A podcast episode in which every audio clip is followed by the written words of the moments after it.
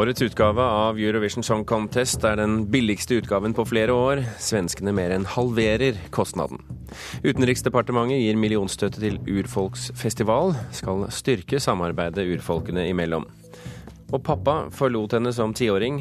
Nå må han stå til rette på en teaterscene i Hamar. Jeg blir, hva sier man på tysk, brugelknabe.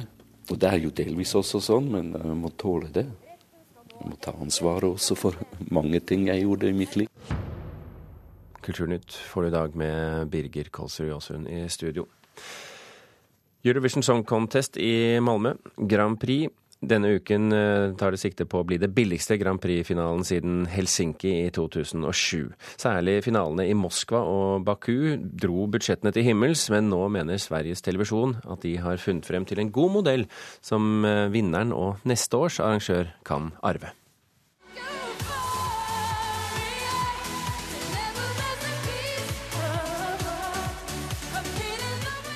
Da svenske Loreen sang seg ut på rulleteksten til applaus og konfetti som vinner av Eurovision Song Contest i Baku i fjor, hadde Grand Prix-uken nådd en prislapp på rundt 270 millioner kroner.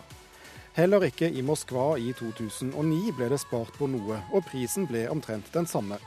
I år sier Sveriges Televisjon at de to semifinalene og finalen i Malmö ikke skal koste mer enn 125 millioner svenske kroner. Prosjektleder for Eurovision-finalen, Martin Østerdal, sier det er viktig å ikke glemme den økonomiske uroen i Europa. Det finnes mange land i Europa som ikke har en like velmående økonomi som Sverige eller Norge. Det finnes mange public service-bolag i Europa som ikke alls har samme ressurser som NRK eller, eller Sveriges Televisjon. Og For dem er det kostsamt å være på reise i opptil to uker med en delegasjon på 30 personer. Så at vi forsøker hitta sätt å gjøre det der billigere i samarbeid med EBU for at det skal bli en mer finansielt eh, holdbar modell. SVT har kuttet der de kan. Først ved å legge arrangementet til Malmö, som har langt hyggeligere hotellpriser enn Stockholm. Det er kuttet litt i servicetilbudet, bl.a. åpner pressesenteret fire dager senere enn vanlig. Og prøvetiden er kuttet med én dag. En dags skillnad i repetisjonsprogrammet for en delegasjon fra exempel Albanien eller Moldavien, det er ganske mye penger for dem. Uh, og det, det, skal man ha respekt for. Men Østerdal understreker at de ikke gjør kompromisser på kvaliteten på selve TV-sendingene.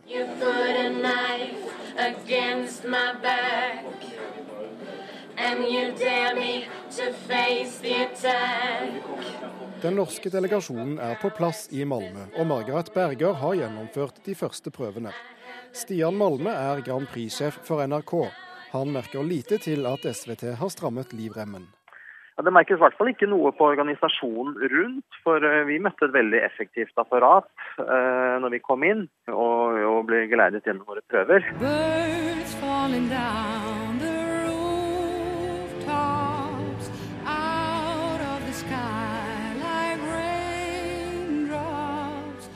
Hver fjerde melodi i årets Eurovision er ballader, som her fra Nederland, med en ganske enslig artist på scenen. Stian Malme sier det nok har mer med musikalske valg å gjøre enn at man vil spare penger på showet. Jeg tror nok man har merket det mer på hjemmebane, i hva slags utvelgelse de forskjellige landene har hatt. Eh, når man, kommer hit, så er man jo med på konkurransen og, og, og står på. Så, så vi har jo ikke noe følelse av at det er sparebluss her. Portugal, Polen og Bosnia-Hercegovina deltar ikke i år fordi det ble for dyrt for dem.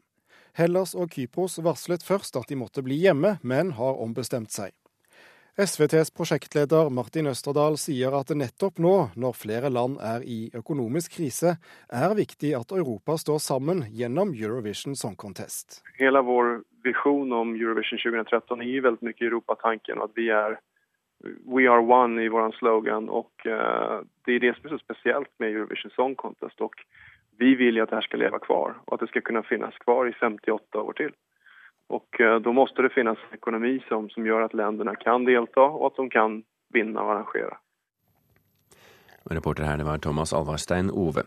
Økonomikommentator her i NRK, Steinar Mediås. Eh, en slags eh, solidaritetsaksjon fra SVT for å dempe de økonomiske kostnadene rundt Eurovision. Er det riktig vei å gå? Ja, det kan jo høres ut som en litt underlig solidaritetsaksjon at eh, vertskapet holder en litt kjipere fest enn det de ellers er vant med. på mange måter så er dette et uttrykk for at eh, finansieringen av finalen må kanskje gjøres på en litt annen måte. For når man nå vinner en finale, så er jo på mange måter det et taperlodd. Det er så dyrt at eh, mange land ikke har råd til å ta imot dette. Men det er nok den veien det må gå. Kostnadene for denne finalen må nok noe ned. Men kanskje hele finansieringsmodellen må endres. Ja, Endres på hvilket vis da? Man kunne jo tenke seg at eh, den som vinner, ikke skal eh, si, få hele regningen for finalen. Man kunne spleise på dette. Det er 52 land i denne europeiske familien. Og man kunne jo også spleise på det slik at man ikke fikk noen sånne finansielle sjokk, fordi man altså vant dette. Men, men, men hvor sannsynlig er det? Fordi at her er det jo land som ikke engang har råd til å dra til en finale. Det er tre priser som det er viktig å være klar over. Det er billig å sende dette programmet. Det er litt dyrere å være med. Og det er veldig dyrt å vinne. Eh, så man kunne kanskje se hen til totaliteten i dette på en litt annen måte enn det man har gjort nå. Nå har det jo vært slik at det å vinne dette har også vært en måte å vise fram landet sitt på. Slik at det har vært store ambisjoner å bruke dette programmet som et utstillingsvindu. Eh, og man bruker da veldig mye penger. Det legges vel kanskje også et press på TV-stasjonen for å virkelig slå til noe kraftig. Selv NRK måtte jo selge rettigheter for å ha råd til å kjøre finalen her i Norge, etter at Rybak hadde vunnet programmet, eller konkurransen året før. Men vil det være land i Europa, tror du, som ikke har råd til å vinne denne konkurransen? Det er mange land i Europa som for, tiden går med store underskudd, og som går på lånte penger. Jeg, tror ikke det å trekke seg ut av, denne typen program er det man ønsker å gjøre. Du merker at selv Kypros slenger seg med i siste eliten. Landet som virkelig har vært ille ute de siste månedene. Det er noe med å være en del av det europeiske fellesskapet. Dette programkonseptet ble utviklet 15 år etter annen verdenskrig og har vært med på å fortelle europeerne at de har et fellesskap. Kultur er et viktig lim når mye annet revner i, i, i, en verdensdel som vår. Og da tror jeg nok at det å være med kan ha en stor egenverdi i seg selv. Men hvis vi ser bort, på, bort, fra selve egenverdien og ser hva man kan tjene her, hva skal til egentlig for, et, eh, for at et vertsland skal tjene penger på, på Eurovision? Jeg merket meg, jeg har sett på, på nettet her at britene brukte visstnok veldig mye penger på den gangen de hadde sin eh, finale, og selv om Humperdinck fikk eh, nest siste plass eller noe slikt noe, altså et veldig dårlig resultat av selve konkurransen, så mente britene selv at de tjente penger på de investeringene som var lagt inn i programmet.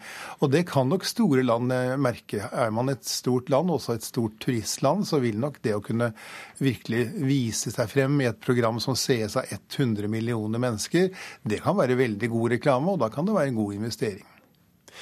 Steinar Medios, eh, tusen hjertelig takk for at du kom til Kulturnytt nå i ettermiddag.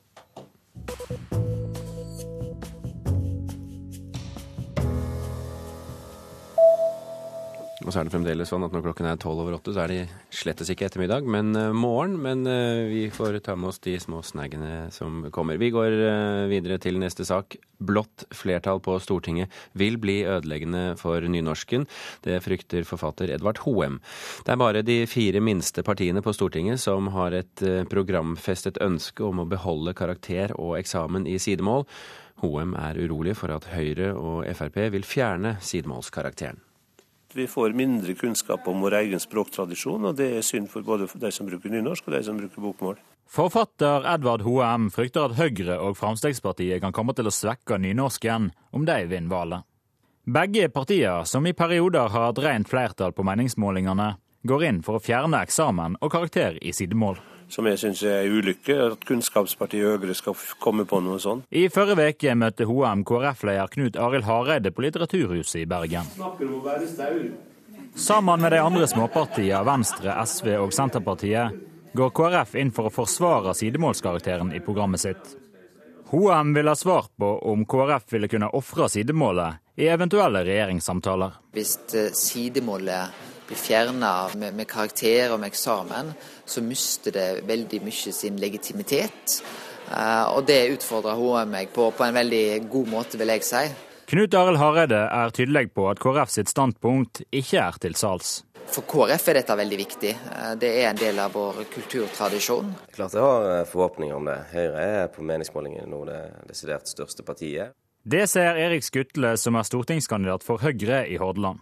Han mener Hoem og Hareide tar feil når de tror nynorsken blir svekka. Man må få vekk eh, sidemålskarakteren, og man, man må gjøre dette i større grad mer valgfritt. Men vil ikke en svekke innholdet i faget ved å ta vekk karakteren? Det er det ingen holdepunkter for å si. Så da blir det jo spørsmål hvor sterke de er da, når det bryter løs i eventuell borgerlig regjering, om de har styrke nok til å stå imot det presset fra Høyre og Fremskrittspartiet som vil, vil avskaffe det skriftlige sidemålet.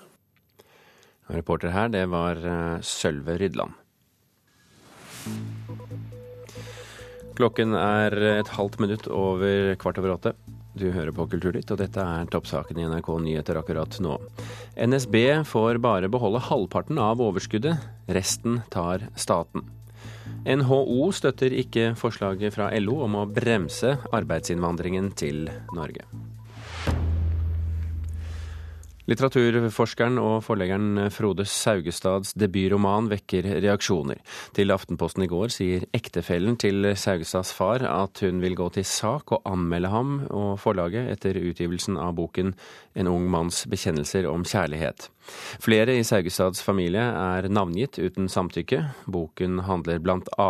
om en far som ikke vil vedkjenne seg farskapet, og Saugestad ønsker ikke å kommentere familiens reaksjoner på boka, men åpner for at den er en parodi på selvutleverende romaner. Ja, det kan være riktig, det. Er da hele, hele romanen en parodi, eller? Nei, men altså, jeg kan ikke som forfatter gå inn og fortelle hvordan folk skal lese boka. Og sånn. Når jeg har sluppet den, så har jeg liksom sluppet den. Da er den ikke liksom i, i min makt på et vis lenger. Da. Nei, jeg har ikke tenkt å si noen ting i boka i fiksjon eller fakta. Altså, altså, hvis jeg skriver en roman, det er en diktning.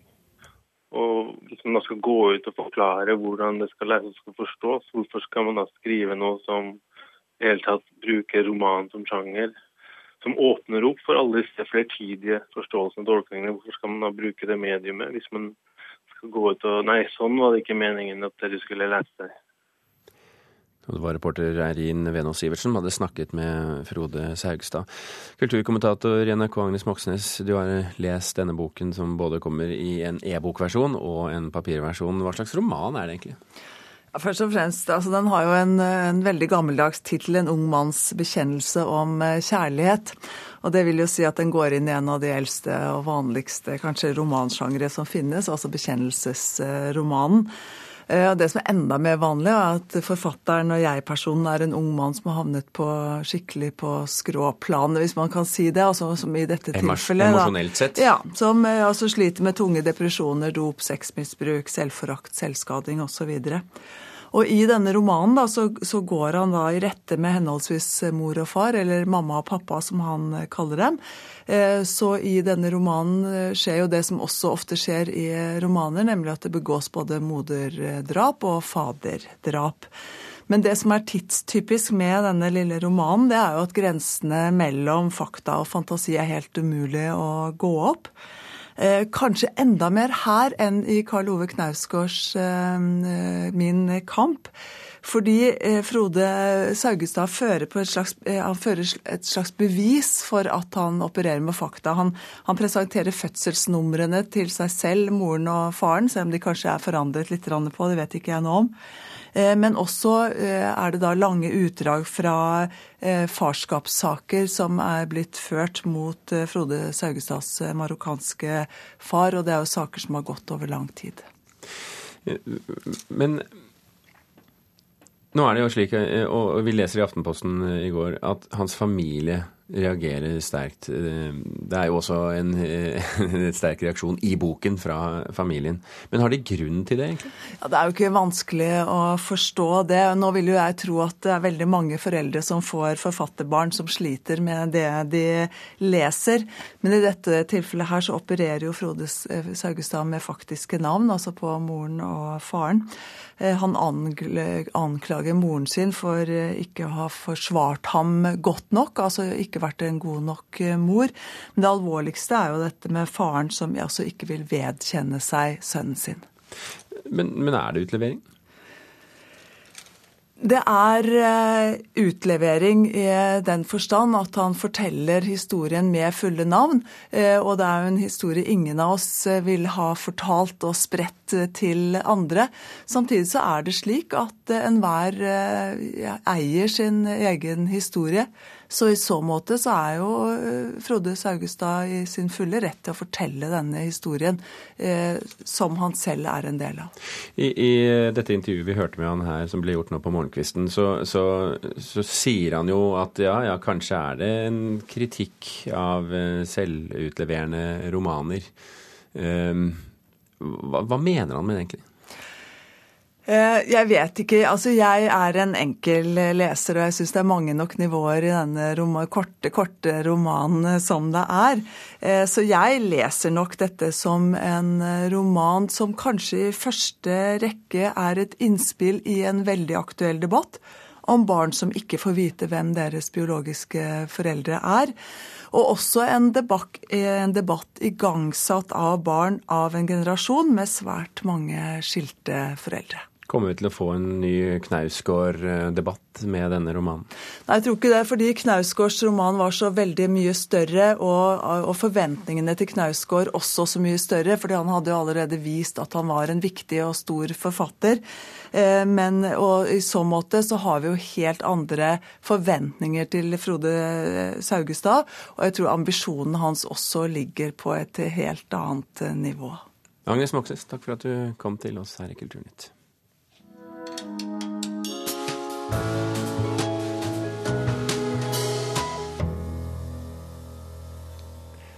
Svenske Aris eh, Fioretos er født og oppvokst i Göteborg, med far fra Hellas og mor fra Østerrike. I hans første roman på norsk, 'Den siste greker', lar han oss møte grekere som ble spredt for alle vinder med utgangspunkt i den gresk-tyrkiske krigen i begynnelsen av forrige århundre. For denne boken så fikk Fioretos den svenske radiolytterens romanpris. Dette er litteratur for feinschmeckere der ute, mener vår anmelder Knut Hoem. Rundt det forrige årtusenskiftet drev jeg og bladde lett desperat i Umberto Ecos håndbok om kunsten å skrive et vitenskapelig arbeid. Jeg merket meg at han var en svoren tilhenger av å notere sekundærlitteratur på små karkotekkort.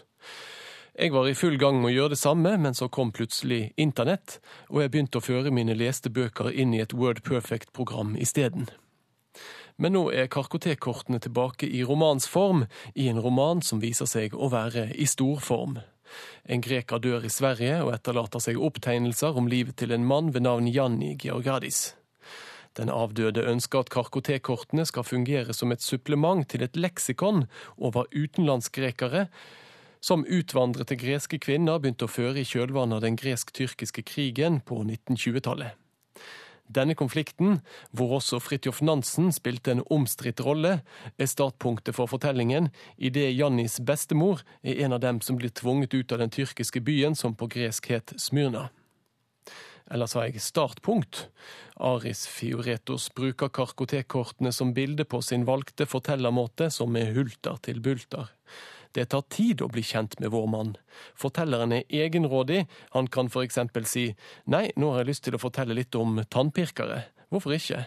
Eller hva med en nærstudie av et parti krokket? Et skjebnesvangert pokerlag fører Jannis ut av landsbyen i Hellas til det skånske bondelandet. Her opplever vi ham som gjestearbeider sommeren 1967. Moussaka møter kjøttbuller, kan vi kanskje si. Hjemløsheten fører til en form for fantomsmerter. Hva er det du lengter etter når du står der i et fremmed land? Hjemstedet er der du er savnet, heter det her. Jeg husker Aris Fioretos som forfatter av ambisiøse litterære artikler i tidsskriftet Vagant. Ambisjonsnivået har han beholdt når han nå er blitt romanforfatter. Jeg stusser over en del litterære krumspring, som når han plutselig skriver deler av teksten som om det var dialoger i et teaterstykke. Allikevel, etter hvert tvinger forfatteren leseren inn i sin greske rytme, og når helten finner kjærligheten på et svensk samvirkelag, da har vi fått lønn for strevet. Da, om ikke før, ser vi puslespillbiten i dette gresk-svenske dramaet falle på plass. Man får lyst til å drikke retsina, man får lyst til å reise til Hellas og Tyrkia. Man får lyst til å spille krokket. Ja, det mente Knut Hoem, som hadde lest 'Den siste greker' av Aris Fioretos i oversettelse av eh, Bodil Engen. Og oljeboring og pengejag er tema i den nye norske operaen Kairos, som hadde premiere i helgen. Hva vår anmelder mener om denne offshore-operaen, får du høre i Kulturnytt i ettermiddag.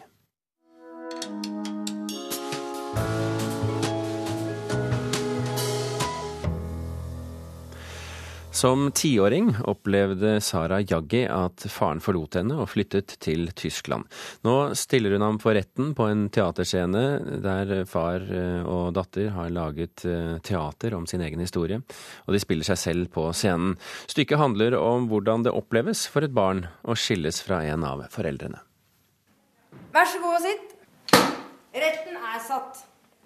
Retten skal nå behandle en grusom straffesak der påtalemyndigheten er stakkars Sara Jaggi med sin advokat, og tiltalte er Sara, Snakk litt mørkere. De spiller seg sjøl som far og datter, skuespillerne Andreas og Sara Jaggi i stykket Oh mein papa. Snakk litt mørkere. Så. Og tiltalte er den grusomt irriterende Andreas Jaggi. Da ber den tiltalte reise seg. Hva har du å si til ditt forsvar? Jeg har jo ikke fått en anklage ennå. Det handler om atskillelse. Tema atskillelse. Og bakgrunnen for historien er min og min fars egen historie. Fordi pappa reiste fra Norge når jeg var ti. Og da besøkte jeg ham bare jul og sommer. Det hadde vi lyst til å fortelle noen ting om. Sier skuespiller Sara Jaggi, bosatt i Hamar. Er du klar, pappa? Ja da, ja da. Nå, nesten 30 år etter, ville hun lage et teaterstykke om hvordan det kan føles for et barn når foreldrene skiller seg. Ønsket mitt er kan, kan det være at ved å vise noe sånt, hvis det sitter andre barn i salen, som også stenger ting inne. Kan det at de ser vår historie, gjøre at de liksom får litt styrke? da?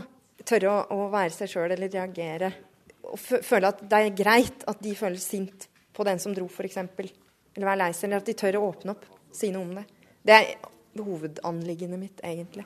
Faren Andreas Jaggi sier det er tøft å spille seg sjøl i stykket. Jeg blir, hva sier man på tysk, brugelknabe. Og det er jo delvis også sånn, men jeg må tåle det. Må ta ansvaret også for mange ting jeg gjorde i mitt liv. Kapittel 5, paragraf 31 b, ledd 9 lyder som følger. Stikker du av fra barnet ditt, skal du straffes med inntil 20 års fengsel. Er du skyldig? Det som vi merker, både pappa og jeg, tror jeg, at vi blir innmari slitne av prøvene. Det å gå på et så personlig tema. Vi leker liksom rettssak i stykket. Så skulle jeg finne på anklager, da til pappa. Og det, det, kjente jeg at det var jo veldig Jeg følte meg litt slem da. ikke sant? Det var vanskelig. Det er flere bevis på at Sara ble stille og innadvendt etter at faren reiste. En av de som kan bekrefte dette, er malerinnen. Jeg har ofte hatt ønske å kunne forandre forholdet mitt til Sara. Jeg kan bare prøve å ta hele den scenen. Hvis dere har, har dere... Det er jo litt en sånn blanding av uh, å være en, uh, en lyttende terapeut og en regissør. Sier Thomas Holtermann Østgård, som har manus og regi i stykket. Jeg tror det kan bli veldig både nært og dokumentaristisk, på en måte, samtidig som det ikke blir en sånn Ricky Lake-gjenforening mellom far og datter. Men at det er en ja, det ligger noe ordentlig persont og fint i bunnen, og så kan man uh, trekke det ut i morsomme uttrykk og sånne ting. Så det er en fin blanding. Et vanlig barn ville ha smilt eller ledd, men her sitter Sara. Oh Mein Papa er en tøysete forestilling for barn om et alvorlig tema hva gjør adskillelse med oss? Når man kan le over tingene som er vondt, da får man dem litt bort fra seg selv. Teaterprosjektet, som har fått støtte fra bl.a. Fritt Ord, Fond for utøvende kunstnere og Hedmark fylkeskommune, settes opp av den frie teatergruppa Asfaltprinsessene i samarbeid med Hamar Teater Turnékompaniet. Premiere 23. mai. Jeg håper du skal sitte igjen med at det er ikke meg det er noe galt med. Vi hørte skuespillerne Sara og Andreas Jaggi og Thomas Holtermann Østgaard, som har manus og regi i stykket, og Mein Papa, om eh, å bli et skilsmissebarn. Og reporter, det var eh, Stein S. Eide. Kulturnytt runder nå av. I dag har vi fortalt at årets utgave av Eurovision Song Contest er den billigste utgaven flere, på flere år. Svenskene mer enn halverer kostnadene. Og Edvard Hoem frykter blått flertall på Stortinget at det vil ødelegge for nynorsken. Kulturnytt fikk du av Frode Thorshaug, Gjermund Jappé og Birger Kolsrud Jåsund.